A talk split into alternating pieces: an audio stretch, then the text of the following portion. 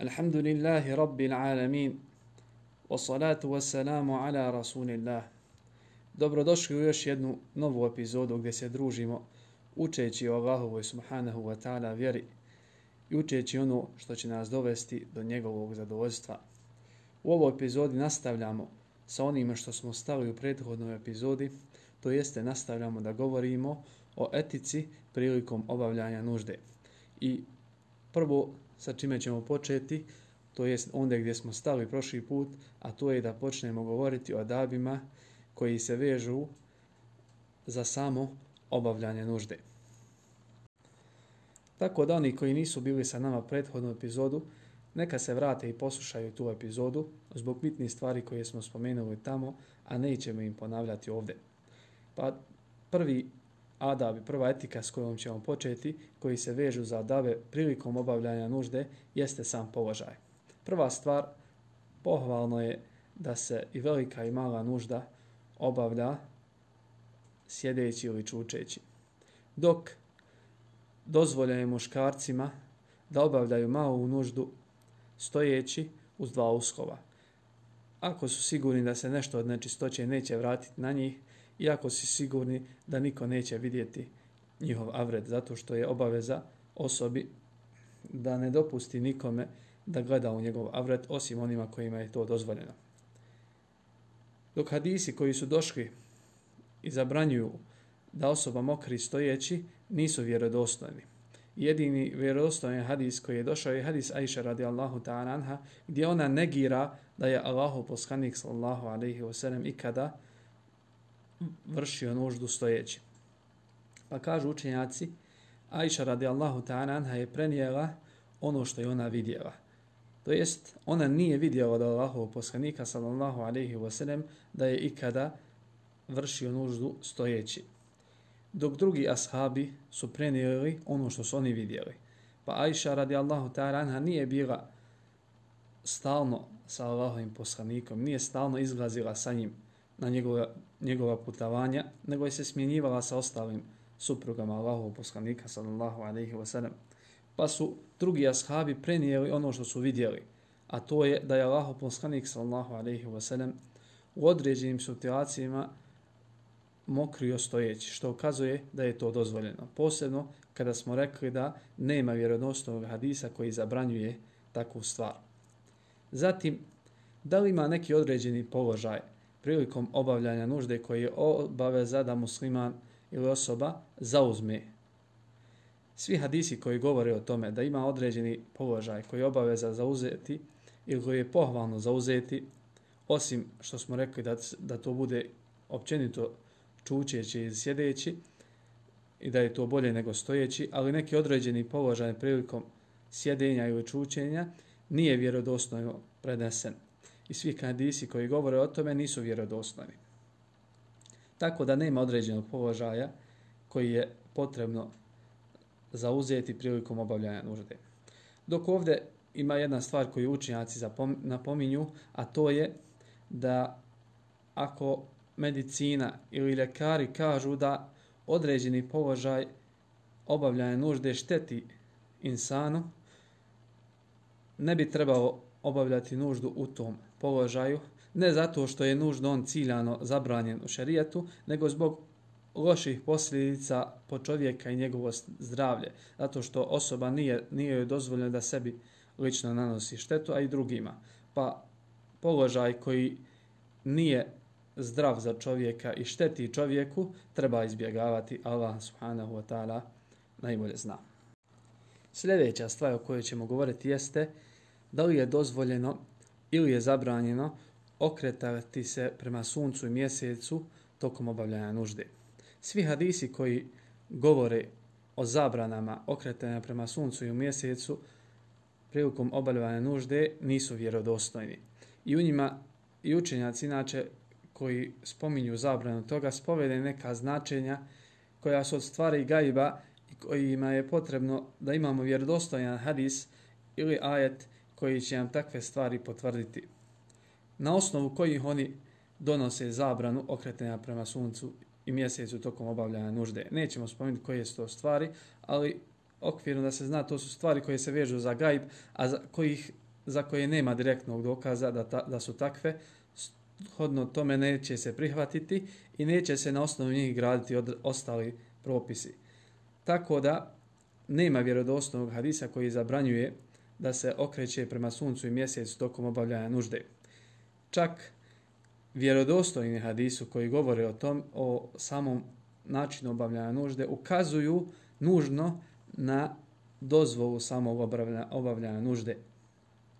Pa kada je Allah poslanik sallallahu alaihi wa sallam zabranio da se prednjim ili zadnjim dijelom prilikom obavljanja nužde okrećem prema kibli, rekao je nego se okrenite prema istoku ili zapadu.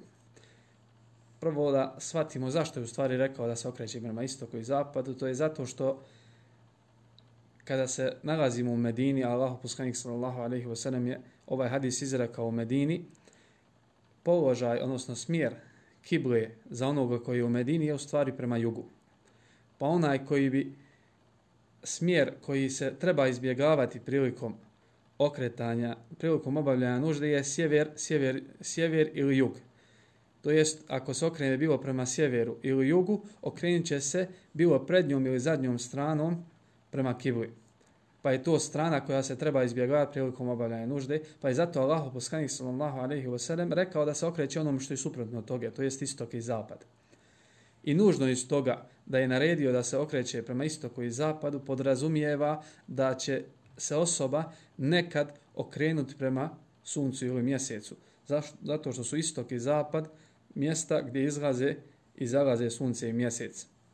A mi upozorio na mogućnost da se izbjegava to što nužno dokazuje i ukazuje na dozvolu okretena prema suncu i mjesecu prilikom obavljanja nužde. Ali su učenjaci spomenuli jednu stvar, a to je da treba biti osoba koja hoće da obavlja nužu, treba biti oprezna da ne bi okretanje prema suncu ili mjesecu prouzrokovalo neku drugu stvar koja nije dozvoljena, a to jest otkrivanje avreta.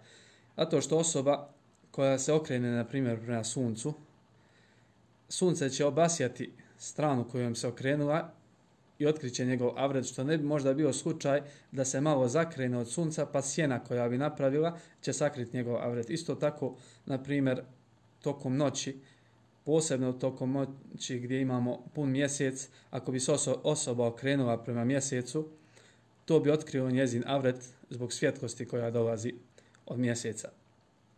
Pa su učenjaci ukazali na to i da je to stvar koja treba na koju treba paziti ne zbog samog okretanja prema suncu i mjesecu, nego zbog druge stvari, a to je obaveza sakrivanja vreta. Pa ako će okretanje prema suncu i mjesecu izazvati otkrivanje avreta i mogućnost da neko drugi vidi avret, onda je to stvar koju treba imati na umu i koju treba izbjegavati.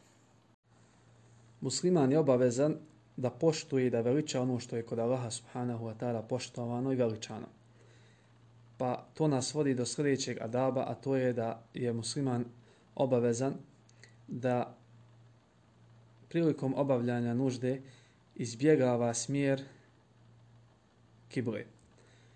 I to je potrebno izbjegavati okretanje prema kibli, bilo prednjom ili zadnjom stranom, bilo prilikom male ili velike nužde.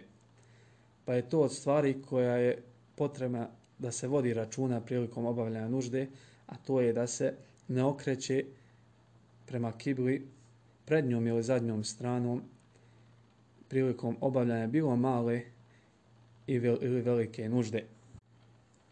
Postoji određeno razilaženje među islamskim učenjacima da li je ova zabrana jednaka kada se osoba nalazi u, unutra, odnosno u, u, u građevini i kada je na polju, kada je u gradu ili kada je na polju ili slično tome, ali ono što je najsigurnije jeste da se izbjegava okretanje prema kibli prednjom ili zadnjom stranom, bilo da se osoba nalazi u građevini ili kada se va, nalazi na polju, jer je to od stvari koje je Allah poslanik sallallahu alaihi wa sallam zabranio i nema jasnih pokazatelja da se nešto iz toga izuzima.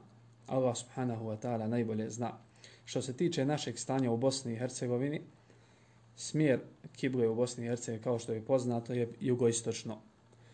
Tako da se treba izbjegavati jugoistočno, da se čovjek okrene prilikom obavljanja nužde, nužde prema jugoistoku ili suprotno tome sjeverozapadu. Pa je najbolja, najbolji smjer gdje treba se okretati prilikom obavljanja nužde i to je smjer koji bi trebao koristiti prilikom izgradnje vanjskih E, WC napolju i unutra u kući, a to je sjevero istok i jugozapad. Znači sjevero istok i jugozapad je smjer koji je potpunosti suprotan smjeru kible u Bosni i Hercegovini. Pa je to stvar od kojoj treba voditi računa, a nažalost prisutno je kod našeg naroda da se o tome ne vodi računa. Da se ne vodi računa u kojem smjeru se grade WC i u kojem smjeru će biti osoba okrenuta kada obavlja nuždu u tom WC-u. A već smo rekli da je od potrebnih stvari da musliman veliča i poštuje ono što Allah subhanahu wa ta'ala naredio da se veliča i poštuje, a od tih stvari je sigurno i Kaaba. Pa je potrebno da se o tome vodi računa. I zadnje pitanje koje ćemo ovdje spomenuti jeste koliko je u stvari potrebno to da se odstupi od same krivu. Rekli smo da je najbolje da se okrene od, od potpunosti od same krivu, da se okrene 45 stepeni, odnosno 90 stepeni, da se okrene u potpunosti.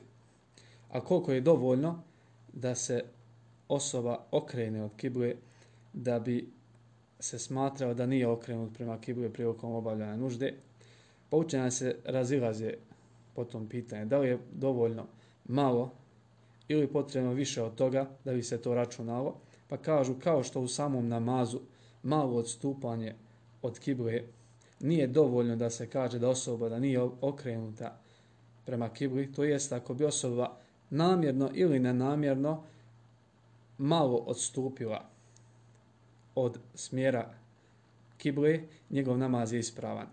Pa kažu učenjaci da je prilikom obavljanja nužde potrebno da se zakrene onoliko da prijeđe u smjer da će njegov namaz biti neispravan ako se bude kanja, ako bude kanjao prema tom smjeru. Pa kažu učenjaci da je to oko 45 stepeni od smjera kible, to je najviše što je rečeno, pa je potrebno da se okrene barem 45 stepeni od samog smjera kible prilikom obavljanja nužde. Od adaba prilikom obavljanja nužde jeste da osoba neće prilikom obavljanja nužde dodirivati svoj povodni organ desnom rukom, kao što je to Allah, poslanik sallallahu alaihi ve sellem direktno zabranio u vjerodostojnom hadisu. I kažu učenjaci da se to na to odnosi i muško, i žensko, i prednji, i zadnji otvor. Pa ništa od toga osoba neće dodirati svojom desnom rukom prilikom obavljanja nužde. Dok što se tiče dodirivanja polnog organa mimo obavljanja nužde desnom rukom, učenjaci se oko toga razilaze, Allah subhanahu wa ta'ala najbolje zna. Isto tako, dodirivanje polnog organa desnom rukom ima isti propis bilo da se osoba dodiruje svoje stidno mjesto ili stidno mjesto druge osobe. Pa, na primjer, majka koja čisti svoje dijete, ako kažemo da je pokuđeno čak i mimo obavljanja nužde da se dodiruje stidno mjesto desnom rukom, onda prilikom čišćenja treba da izbjegava da čisti svoje dijete, odnosno ne samo da čisti jer ćemo doći da, da je pokuđeno i zabranjeno čistiti se desnom rukom, a ovo je odvojena zabrana od toga, a da to je da se samo dodiruje prilikom obavljanja nužde desnom rukom, pa ako kažemo da se to odnosi i na van obavljanja nužde, treba da izbjegava da dodirava stidno mjesto svoje bebe desnom rukom i da je čisti samo lijevom rukom, zbog onoga što ćemo nakon ovoga spomenuti kasnije, a to je da nije dozvoljeno se čistiti desnom rukom. Sljedeća i zadnja stvar koju ćemo spomenuti od, od adaba koji se vežu za samo obavljanje nužde, odnosno koji su se veže za u toku obavljanja nužde, jeste da osoba prilikom obavljanja nužde neće primjećati i neće spominjati Allaha subhanahu wa ta'ala. Učenjaci to dokazuju sa nekoliko hadisa. Jedan od njih jeste gdje je Allah poslanik sallallahu alaihi wa sallam rekao doista Allah prezirje dva čovjeka koji odu da obave nuždu pa otkriju svoje avrete gledajući jedan u drugog i pričaju.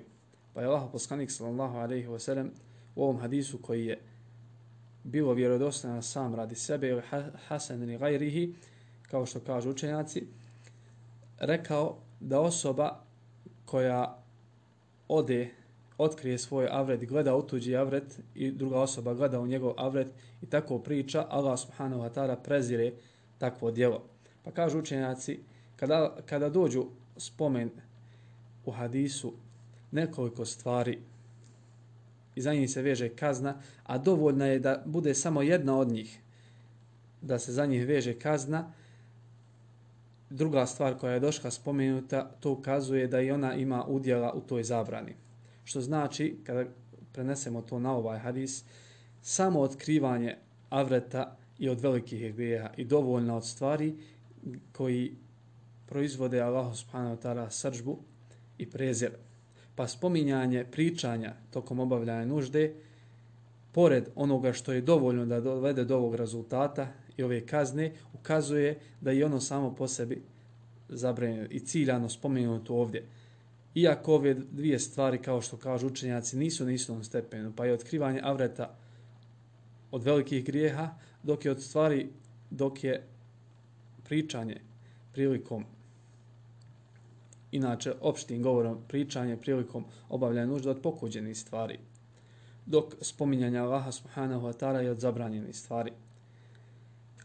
A to dokazuju sa hadisom gdje Allah poslanik sallallahu alaihi wa sallam nije odgovorio čovjeku koji je nazvao mu selam dok je on sallallahu alaihi wa sallam obavljao, obavljao nuždu. Pa kao što je poznato da je obaveza odgovoriti na selam onome koji nazove selam, pa je Allah poslanik sallallahu alaihi wa sallam čak zbog stanja u kojem se nalazio, nije odgovorio ono što mu je obaveza da kaže. A kažu učenjaci, ako nije rekao ono što je obavezno reći u tom trenutku, ono što je dozvoljeno ili pohvalno je preče da se ostavi. I to se odnosi na mjesto e, gdje ima nečistoće ili u onom trenutku ako obavlja nuždu negdje na polju, u onom trenutku dok obavlja nuždu. Isto tako kažu učenjaci da je zabranjeno, rekli smo, pokuđeno pričati, zabranjeno učiniti zikr ili pokuđeno, a još veća zabrana je ako se uči Kur'an. Isto tako kažu učenjaci da se to ne odnosi na današnja okupatila gdje nema nečistoća, pa se zabrana zikra ne odnosi na takva mjesta, jer u današnjim kupatilima nečistoća ne, ne, ne sjedi ili ne boravi u tom prostoru, nego se ona odmah očisti i ode na drugo mjesto. Isto tako, od izuzetaka za ovo pravilo, jeste da osoba, da joj je dozvoljeno da kaže ono za čim ima potrebe. Pa kažu čak, ako ima zatim nužda, obaveza je da kaže. Kao, na primjer, osoba koja obavlja nuždu negdje na polju i vidi osobu koja, ako nastavi svojom, na primjer, putanjom, upašće u rupu ili će joj se desiti nešto, kažu obavezo je da je napomene, pa makar i u ovom stanju. Isto tako, ako je od nužde da se odgovori na neko pitanje ili nešto kaže kratko, kažu učenjaci, nema smetnje i nema pokođenosti u tome da se kaže. Ovdje imamo još jedno pitanje koje ćemo spomenuti, a to je obavljanje namaza ili učenje Kur'ana iznad WC-a. Naprimjer, imamo sagrađen WC na prvom spratu, da li je dozvoljeno klanjati i obavljati namaz na drugom spratu iznad tog WC-a, pa makar i bila nečistoća u tom, u tom WC-u ispod. Kažu učenjaci da je to dozvoljeno. I to tumače na sljedeći način. Kažu, bilo da je moguće shvatiti razlog zabrane zikra i učenja Kur'ana i obavljanja ibadeta u samom WC-u ili nije. To jeste, ako je moguće shvatiti koji je razlog zabrane obavljanja i badeta i zikra u samom WC-u, onda je to nečistoća. A znamo da iznad samog WC-a ili na drugom spratu ne imate nečistoće pa time prestane razlog te zabrane, jer nema istog razloga zbog kojeg smo zabranili u samom unutra veca. Dok kažu, ako nije moguće, svad, ako je to tabudi, to je zgajru ma kulin mana, nije moguće dokučiti koji je razlog zabrane, onda kažu, nije dozvoljeno na taj propis kijasiti, odnosno analogijom izvoditi druge propise. Jer ako kažete da je nije moguće shvatiti razlog zabrane, onda nije dozvoljeno kijasiti ili analogijom izvoditi druge propise i samog tog propisa, nego je obaveza samo se zadržati na onome što je došlo u hadisu. Pa u bilo koje ova dva slučaja, ono što je iznad samog WC-a ili drugi sprat, ne odnosi se na ovu zabranu. Bilo po prvom značaju po tome da nema nečistoće ili ako je druga opcija da nije dozvoljeno kijasiti druga, druga stanja i druge opcije na ono što je došlo u hadisu. Dok Ibn Taym odgovara na ono što su neki učenjaci spomenuli, kažu da ono što je unutar zemlje i ono što je iznad same zemlje ima propis toga. Kaže, jeste, ali to se odnosi na vlasništvo. U islamu čovjek koji je vlasnik određenog dijela zemlje, vlasnik je onog što je unutra zemlje i vlasnik je zraka iznad te zemlje. Kaže, to se odnosi na propis u vlasništvu, a ne propis čistoće i nečistoće. Allah subhanahu wa ta'ala najbolje zna.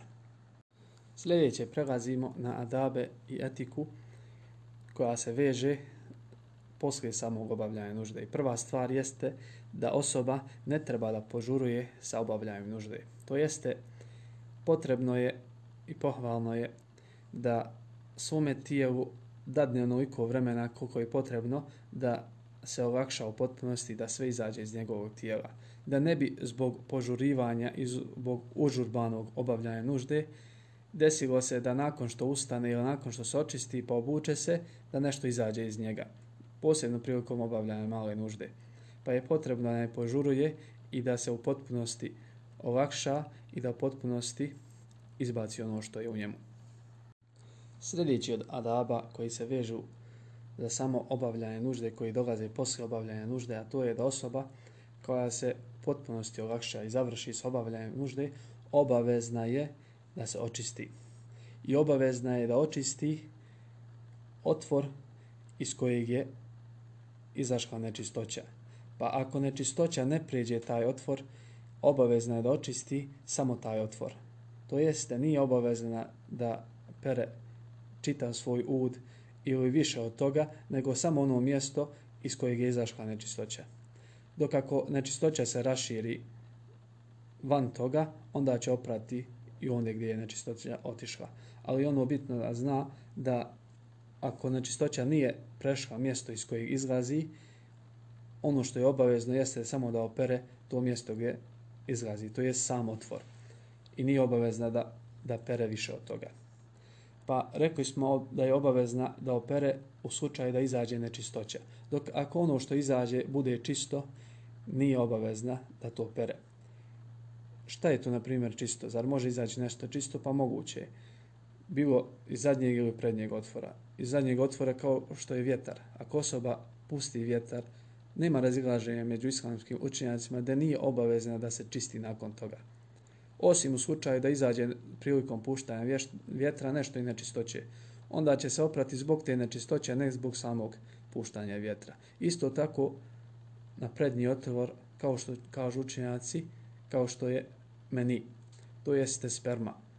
Postoji određeno razilaženje među islamskim učenjacima, ali ono što je ispravnije, Allah najbolje zna, jeste da je sperma čista.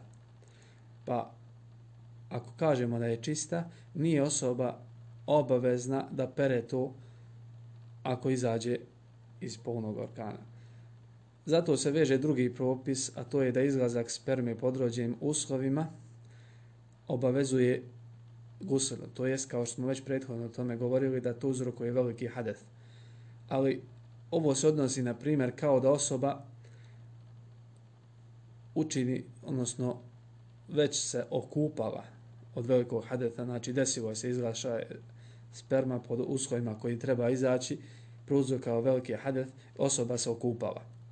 I desi se da nakon što je se okupala, izađe nešto od sperme prva stvar, da li to uzre je hadet, to ćemo govoriti ako Bog da kasnije, ali ukratko, to drugi izlazak ne uzrokuje je hadet, zato što nije uspunio to izlazak sperme, nije ispunio uslove koje je potrebno da ispuni, koji ćemo govoriti kasnije, da bi uzrokao veliki hadet, a druga stvar nije potrebno prati zato što je ta stvar čista.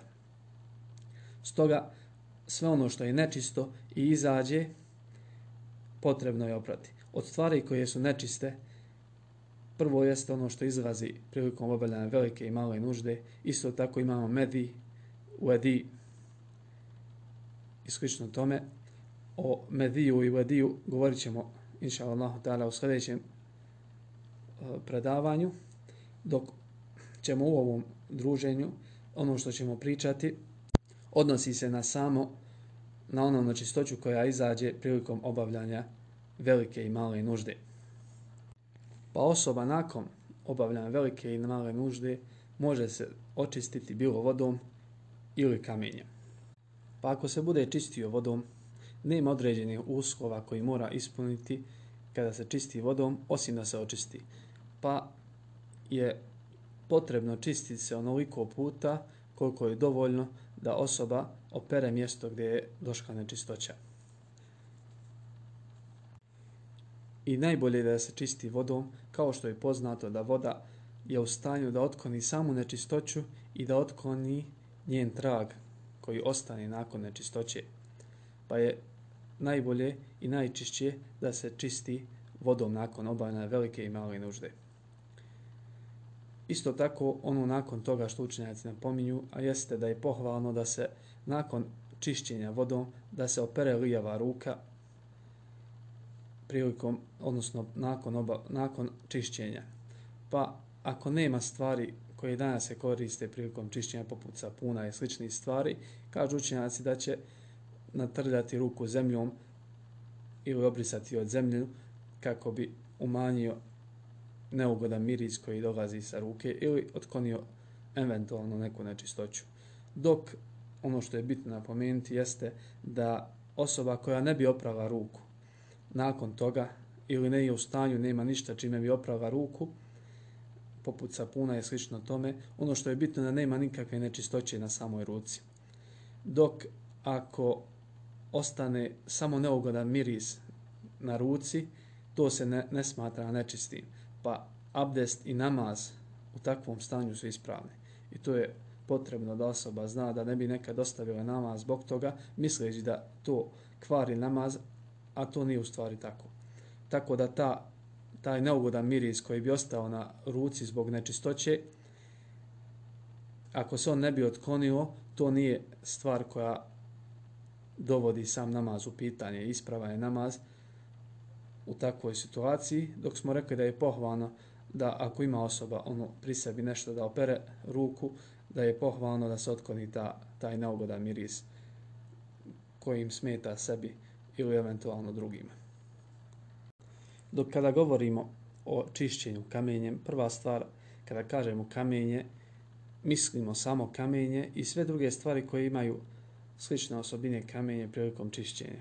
Pa bilo da se radi o toalet papiru koji mi koristimo, bilo da se radi o maramicama, bilo da se radi o lišću, bilo da se radi o običnim papirima u slučaju da nema ništa napisano na njemu što je obaveza poštovati i veličati. Sve te stvari imaju propis isto kamenja, pa je sve dozvoljeno koristiti prilikom čišćenja. Pa kada se osoba čisti kamenjem, potrebno je minimalno da se očisti tri puta, to jest da se obriše tri puta. Kažu učenjaci da nije ispravno čišćenje kamenjem minimalno koje je manje od tri puta, makar si očistio od prvog puta. To jeste, potrebno je obrisati se tri puta, pa makar se i očistio nekim brojem mimo toga. Zato što je Allah poslanik sallallahu alejhi ve sellem zabranio da se čisti kamenjem, odnosno da se čisti sa manje od tri kamena. Pa kažu učenjaci da to ukazuje da nije ispravno čišćenje sa manje od tri kamenja, to jeste manje od tri brisanja. Dok ako tri brisanja nisu dovoljne da se očisti mjesto, onda će se obrisati onoliko puta koliko je dovoljno da se očisti. Pa ako to bude paran broj, pohvalno je da je doda još jedan da bude neparan. A ako je već završio na neparnom broju, onda neće dodavati više zato što je pohvalno bilo da se čisti vodom ili da se čisti kamenjem, da to uradi neparan broj puta. I ono što je bitno napomenuti jeste da ovakav način čišćenja, to je čišćenje bez vode, je ispravan, bez sumnje. Jer neki ljudi imaju određene sumnje i da li je na takav način kad se osoba očisti, da li je to ispravno, jer poznato je da kada se osoba očisti, i to je granica koja je potrebna da se postigne da bi se smatra osoba čista kada se čisti kamenjem, a to je da otkloni sve ono, osim ono što ne može otkloniti osim voda. To jeste obaveza je da otkloni osim trag koji ostane na koži koji ne može otkloniti osim voda. E, neke osobe zbog tog traga koji ostane sumnjaju da li je ovakvo čišćenje ispravno ili nije čišćenje ili nije ispravno. Shodno tome kažemo da čak kad ostane takav trag u nekim nečistoćama prilikom obavljanja nužde, takvo čišćenje je ispravno. I oko toga nema razilaženja među islamskim učenjacima. I čak neki učenjaci kažu, i to je ispravnije, da ako bi taj trag prešao sa mjesta gdje se nalazi na koži i prešao na odjeću, ne smatra se ta odjeća čistom. Jer ako je oprošteno i zanemarena ta nečistoća i smatrena čistom na samom otvoru, onda ako prijeđe na drugo mjesto, opet se smatra čista. Pa ako bi se osoba oznojila nakon čišćenja ovim stvarima i prešlo nešto od toga na njezinu odjeću, ta odjeća se smatra čistom. Shodno tome, da ponovimo, potrebno je minimalno tri puta se obrisati, dok ako nije dovoljno više od tri puta, pohvalno je da bude neparan broj i ono iko koliko se smatra da je osoba čista, a to je da zadnje brisanje bude čisto. To jeste kada vrati zadnji kamen ili zadnji papir, ne vidi traga nečistoće na njemu. Taka se osoba smatra čistom. Isto tako dozvoljen kao što kažu učenjaci da se čisti jednim malo većim kamenom tako što će se svaki puta brisati drugom čistom stranom ili da se koristi jedan toalet papir tako što će svaki put koristiti čistu stranu ili čisti dio na samom toalet papiru. I svaki od tih brisanja će se smatrati zasebnim bez obzira što se čisti samo jednom stvari. I ovaj propis dozvole čišćenja kamenjem poslije velike ili male nužde odnosi se i na muškarce i na žene.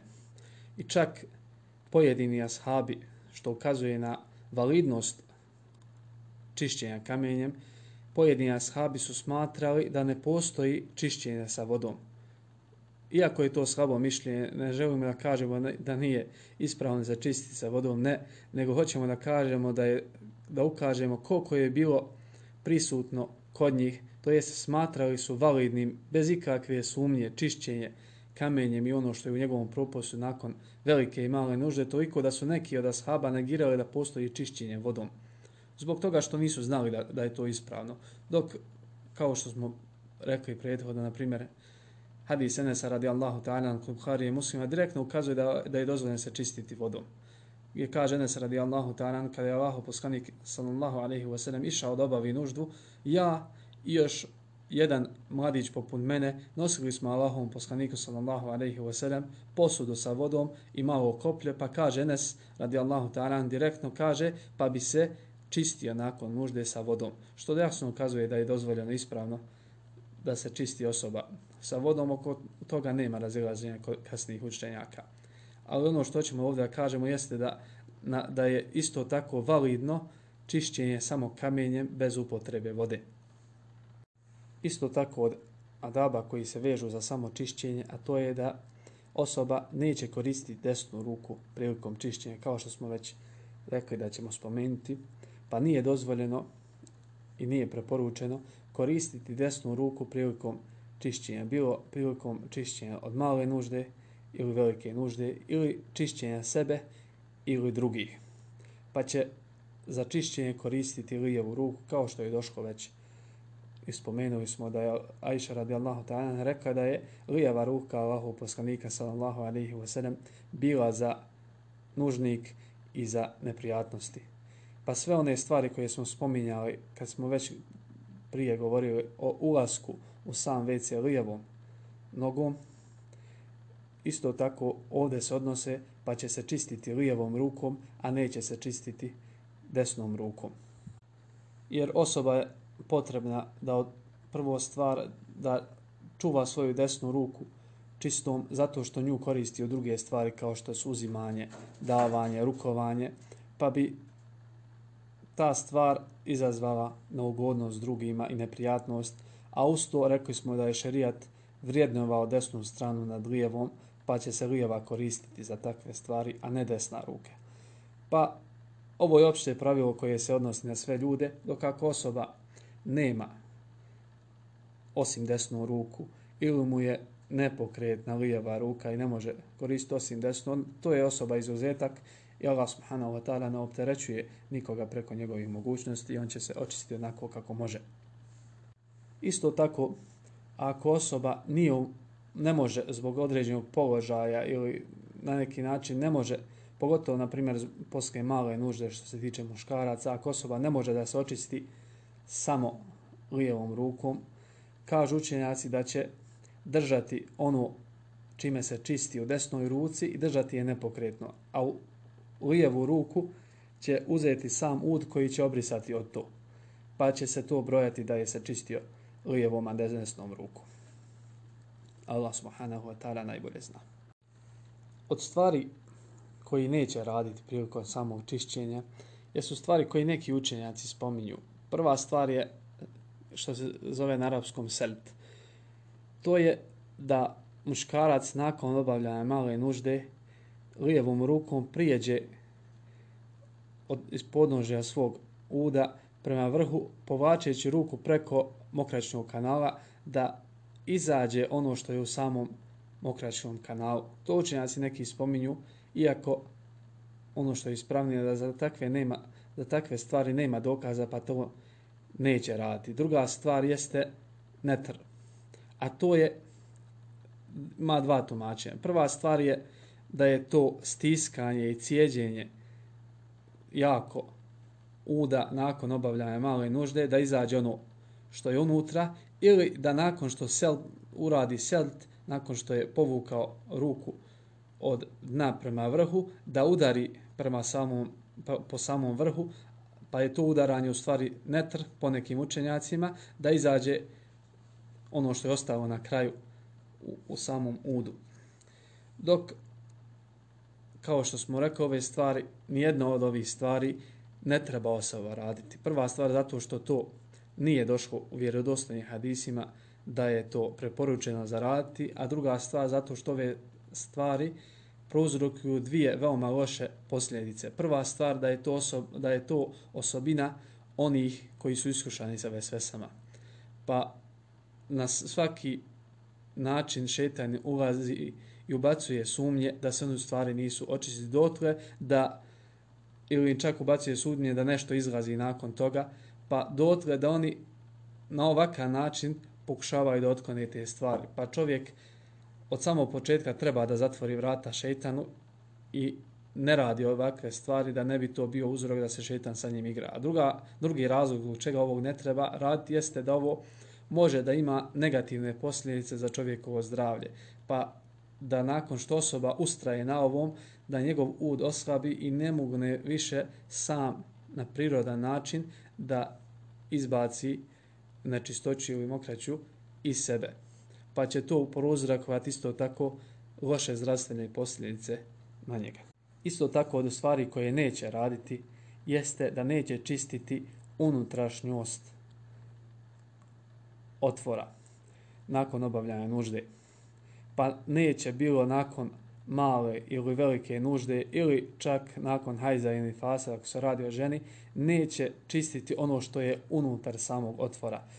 Zato što ono što je unutara nema propis nečistoće, nego je obaveza osobi da očisti ono što je što je izašlo napolje i da očisti sam otvor svanskog dijela. Dok čišćenje otvora, prva stvar sa unutrašnje stvari, rekli smo da to nije uopšte propisano.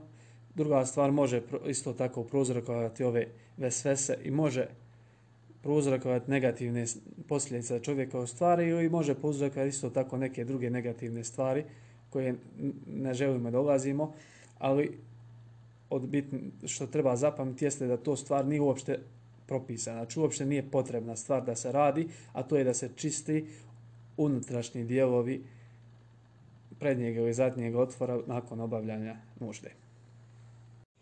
O sljedeći stvari o kojoj ćemo govoriti jeste šta je to čime se osoba neće čistiti nakon obavljanja nužde.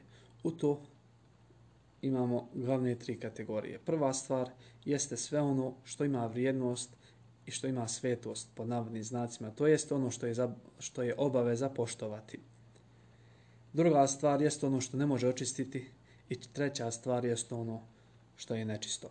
Pa prva stvar ono što je što ima vrijednost i što je obaveza poštovati.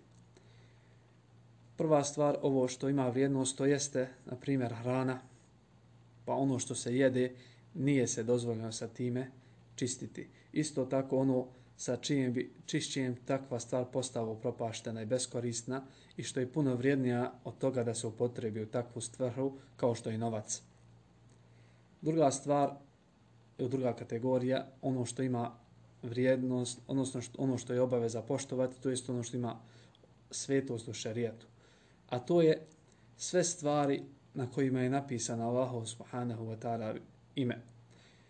Bilo da se radi o tkanini ili papiru, a u to još veću zabranu ima korištenje mushafa u tome i što može doći ako se uradi, može doći do kufra nevjersta što čovjeka može izraći, izvesti iz islama. Druga stvar, koja, od stvari koje se neće koristiti prilikom čišćenja, jesu stvari koji, koje ne mogu očistiti.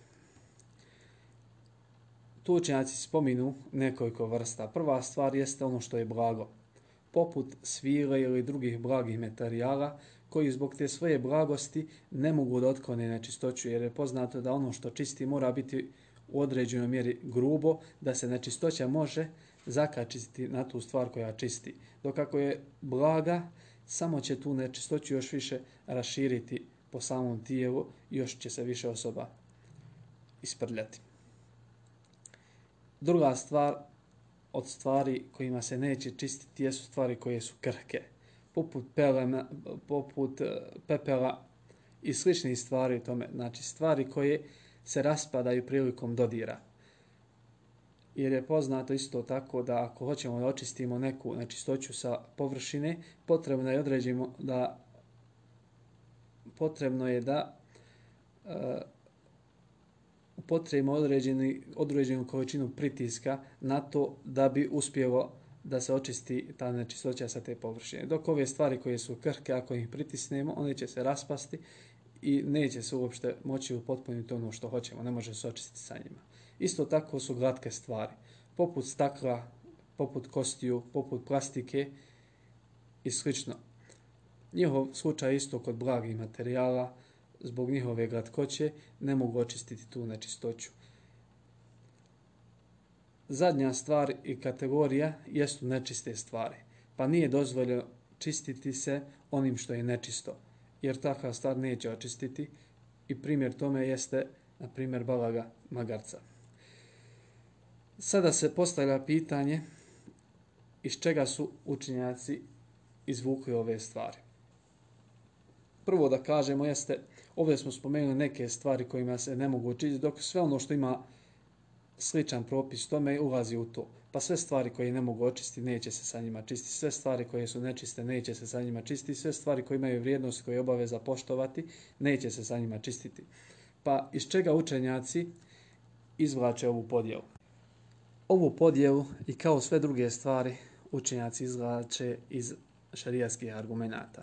Jer sve ono što nalazimo u knjigama islamskih učenjaka do određene mjere sve ima oslonca u šarijatskim argumentima. Pa prva stvar kada su pogledali u hadise koji govore o zabrani čišćenja određenim stvarima, našli su gdje Allah poslanik sallallahu alejhi wa sallam zabranio da se čisti kostima i balegom. Pa je došlo u hadisu pojašnjenje zašto je to zabranjeno, zato što te kosti i balega su hrana našoj braći džinima, te kosti i ta balega je hrana njihovim životinjama. Pa su od toga učenjaci rekli da nije dozvoljeno čistiti se svim stvarima koji imaju vrijednost poput hrane ili stvarima koje je obaveza poštovati. Druga stvar, kada su pogledali isto tako ove stvari, našli su u jednom hadisu da je Allahu poslanik sallallahu alejhi ve sellem nakon što mu je donesena balega magarca koja je nečista, rekao, odbio da se sa njom čisti i rekao to je nečisto. Pa učenjaci isto tako iz toga izvlače da nije dozvoljeno čistiti se nečistim stvarima. Isto tako, prethodne stvari koje smo spomenuli, a to je kosti balega, kada su učenjaci pogledali ove stvari, vidjeli su da sama kost, bez, uz to što je ona hrana džinima i ima tu vrijednost, isto tako ona je stvar koja ne može očistiti. Pa je došlo u hadisima innehuma daju tahiran, innehu malaju tahiran. Te dvije stvari ne mogu očistiti. To jeste kosti i balega. Pa kost je glatka i zbog svoje glatkoće ne može da očisti. Isto tako balega je kada se osuši krhka. A kada se ne osuši blaga i mehka, isto tako ne može da očisti. Pa su rekli isto tako da sve stvari koje ne mogu da očiste, neće se sa njima čistiti. Poput ovih gore stvari koje smo spomenuli. Allah subhanahu wa ta'ala najbolje zna. Shodno tome na kraju dozvoljeno je muslimanu da se čisti nakon obavljanja nužde svim čistim stvarima koje mogu očistiti i koje nisu od stvari koje imaju vrijednost i koje je obaveza poštovati. Sljedeća stvar jeste da nakon što obavi nuždu, nakon što se očisti, neće boraviti na tom mjestu, bilo da je na polju e, ako se radi o WC-u koji je unutra, koji je izgrađen, neće boraviti u njemu više nego što je potrebno. Kao što smo rekli da neće obavljati, neće e, žuriti sa samim obavljanjem nužde, isto tako kada završi neće duljiti sa boravkom u tom mjestu, jer to mjesto gdje ima nečistoća i mjesto gdje borave džini koji se skupljaju na takvim mjestima, pa je od pokuđenih stvari da boravi na takvom mjestu više od same potrebe. Sljedeća stvar, kao što smo spomenuli na početku, odnosno u samom drugom prethodnom predavanju, da kada ulazi u WC, ući će lijevom nogom zbog stvari koje smo tamo spomenuli, ishodno tome kada izlazi iz WC izaći će desnom nogom. I ovo je od pohvalnih stvari koje će raditi, koje su od mustahabba i nema nužno grijeha ako bi ušao desnom nogom i izlašao lijevom nogom. Allah subhanahu wa ta'ala najbolje zna. Zadnja stvar koju ćemo spomenuti od samih adaba jeste da nakon što izađe ili se udalji od mjesta gdje je obavio nuždu, propisano je da kaže dovu nakon obavljanja nužde ili nakon izlaska iz nužnika, a to je da kaže gufraneke. To jeste Allahu od tebe tražim tvoj magfiret. A magfiret je prekrivanje grijeha i sprečavanje njihovih posljedica, to jest kazne koja za njih slijedi. Pa Allah subhanahu wa ta'ala sakrije grijeh i ne kazne na njega. I to znači traženje Allahu subhanahu wa ta'ala magfireta. Pa ka, reći će gufraneke, to jest Allahu tražim tvoj oprost i da mi sakriješ grije. I s time smo uz Allahu pomoć završili ovo druženje. Molim Allaha subhanahu wa ta'ala da nam podari bereketa onome što smo čuli, da se koristimo time i da po tome na najbolji način radimo. Molim Allah subhanahu wa ta'ala da nas poduči od naše vjere onome što će nam koristiti na dunjavku i na ahiretu i molim ga subhanahu wa ta'ala da nam olakša put koji vodi do njegovog zadovoljstva i do njegovog dženneta. Wa ahiru da'wana alhamdulillahi rabbil alamin. Pa se čujemo za Allahu pomoć sljedeći puta gdje ćemo govoriti o nečistoćama općenito i načinu čišćenja od njih. Pa se čujemo inša Allahu ta'ala.